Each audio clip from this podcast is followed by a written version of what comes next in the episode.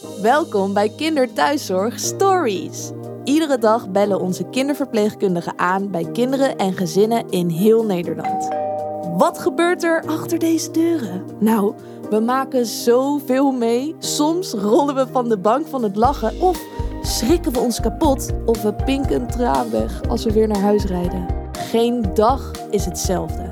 De kinderen aan wie wij zorg verlenen zijn verrassend, ontroerend, grappig en confronterend tegelijk. En juist dat maakt onze kinderthuiszorgstories zeker de moeite waard om naar te luisteren. Ga je met ons mee op pad? Burger. Verwachtingsvol bel ik aan bij een appartementencomplex waarna de lift mij aflevert op de twaalfde verdieping. Het is de bedoeling dat ik diverse infusen ga aansluiten op de portakat van vijfjarige Gabriella. Eenmaal binnen komen allerlei geuren me tegemoet. Moeder en oma blijken samen aan het koken te zijn. Terwijl de uien sissen in de pan, verzamel ik mijn benodigdheden.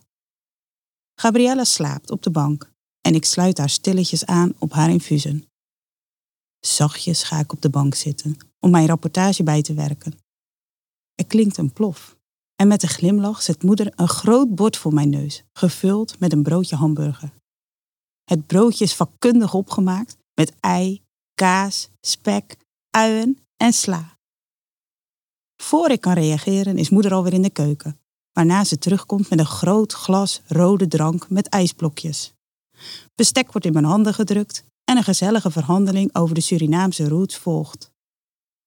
Oma komt erbij staan en glimlacht aanmoedigend naar me. Een beetje ongemakkelijk geef ik aan dat ik al ontbeten heb. Ik krijg geen kans om uit te praten. Oma legt uit dat ze hun gasten niet zonder eten kunnen verwelkomen en er is geen speld tussen te krijgen. Manhaftig verorber ik mijn hamburger. Ik neem me voor om voortaan niet meer te ontbijten als ik naar Gabriella ga. Ik verblijf minimaal drie uur bij het gezin vanwege de diverse infusen. Een aantal dagen later arriveer ik met een lege maag in een stil huis. Moeder is werken en vader is na het openen van de deur gaan douchen. Weer sluit ik slapende Gabriella aan. Mijn maag knort nadrukkelijk en vlug neem ik wat water uit mijn flesje. Als Gabriella wakker is, speel ik met verven de rol van Elsa, terwijl de Barbies om ons heen liggen. Ondertussen houd ik de infusen in de gaten en verwissel deze waar nodig. Inmiddels denk ik met verlangen aan de vette hap van de vorige keer. Zonder eten wordt het evengoed elf uur.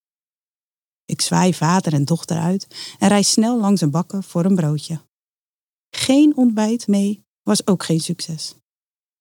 Blijkbaar is het maken van eten voor gasten binnen dit gezin een damesaangelegenheid. Aldoende leert men.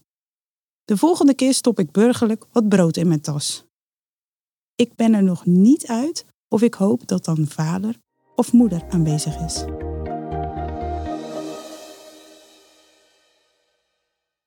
Leuk dat je hebt geluisterd. Benieuwd naar de organisatie achter deze verhalen? Luister dan naar Kinderthuiszorg, de podcast. Te vinden in je favoriete podcast-app.